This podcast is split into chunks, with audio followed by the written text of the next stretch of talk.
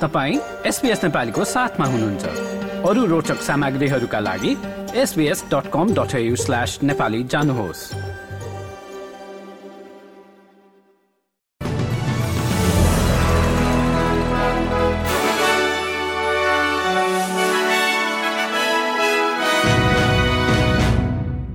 नमस्कार। आज सन् दुई हजार तेइस सेप्टेम्बर चौबिस र दिन हो आइतबार। अब पालो भएको छ एसपीएस नेपालीमा आजका प्रमुख अस्ट्रेलियन समाचार सुन्ने। प्रसङ्ग सुरु गरौं। अस्ट्रेलियन सरकारले लेबर मार्केटलाई सम्बोधन गर्न ल्याउन लागेको नयाँ रोड म्यापबाट ट्रेजरर जिम चामसले अस्ट्रेलियाको लेबर मार्केटलाई सम्बोधन गर्न नयाँ रोड म्यापमा महिलाहरूले कार्यस्थलमा सामना गर्ने बाधाहरू हटाउने विषयलाई प्राथमिकतामा राखेको बताएका छन्। आउँदो सोमबार सार्वजनिक गरिने भनिएको इम्प्लोइमेन्ट व्हाइट पेपर नाम दिएको उक्त रोड म्याप बाह्र महिनाको छलफलपछि आउन लागेको हो। अर्को समाचारमा कृषि खडेरी र आपतकालीन व्यवस्थापन सम्बन्धी मन्त्री मरे वाटले आउँदो गर्मीमा डढेलोको खतरासँग लड्नका लागि अस्ट्रेलिया धेरै राम्रो तयारीमा रहेको बताएका छन्। गर्मी बढ्दै जाँदा विभिन्न राज्यहरूमा डढेलो लाग्न शुरू भएको छ। मन्त्री वाटले सन् दुई हजार उन्नाइसको ब्ल्याक समरमा भन्दा यसपटक निकै धेरै तयारी गरिएको बताएका छन्। एक अर्को समाचारमा कार उत्पादक कम्पनीहरूले हाइब्रिड विधिमा चल्ने गाडीका बारेमा भ्रामक दावी गर्ने गरेको एक अनुसन्धानले देखाएको छ। इन्भाइरोमेन्टल डिफेन्डर्स अफिसले सार्वजनिक गरेको एक रिपोर्टले कार निर्माता कम्पनीहरूले गरेको शून्य उत्सर्जनको बाछामा प्रश्न उठाएको हो।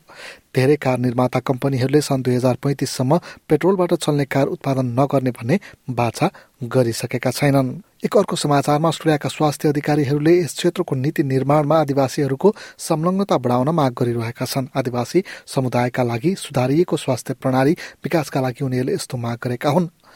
अर्को समाचारमा भने न्यू साउथ वेल्सका प्रिमियर क्रिसमेन्सले सम्भावित महामारीको अवस्थामा अस्ट्रेलियाको क्षमता अभिवृद्धि गर्ने बारेमा कोविड उन्नाइस सम्बन्धी छानबिन केन्द्रित हुनुपर्ने बताएका छन्। संघीय सरकारमाथि कोविड उन्नाइस महामारीका बेला राज्य र प्रदेशहरूले गरेको सीमा बन्द लकडाउन र विद्यालय बन्दका बारेमा जवाब दिन दबाव परिरहेको छ। अब नेपाल सम्बन्धी प्रसङ्ग र प्रधान सेनापति प्रभुराम शर्मा तेह्रौं इन्डो पेसिफिक सम्मेलनमा सहभागी हुन भारतको नयाँ दिल्ली जाँदैछन् भारतको नयाँ दिल्लीमा आठदेखि दस असोजसम्म हुने सम्मेलनमा सहभागी हुन शर्मा आइतबार त्यसतर्फ जान लागेका हुन्। अब खेल समाचार अस्ट्रेलियन जेक्स फक्सले लन्डनमा भएको क्यानोइङ तर्फको विश्व च्याम्पियनसिपमा गोल्ड मेडल हात पारेकी छिन्। फक्सले आफ्नो प्रतिद्वन्दी भन्दा केवल एक सेकेन्ड अगाडि मात्र लाइन पार गरेकी हुन्।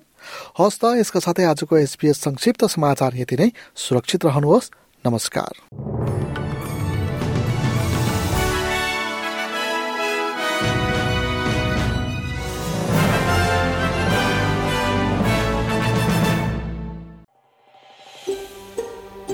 यो जस्तै अन्य प्रस्तुति सुन्न चाहनुहुन्छ?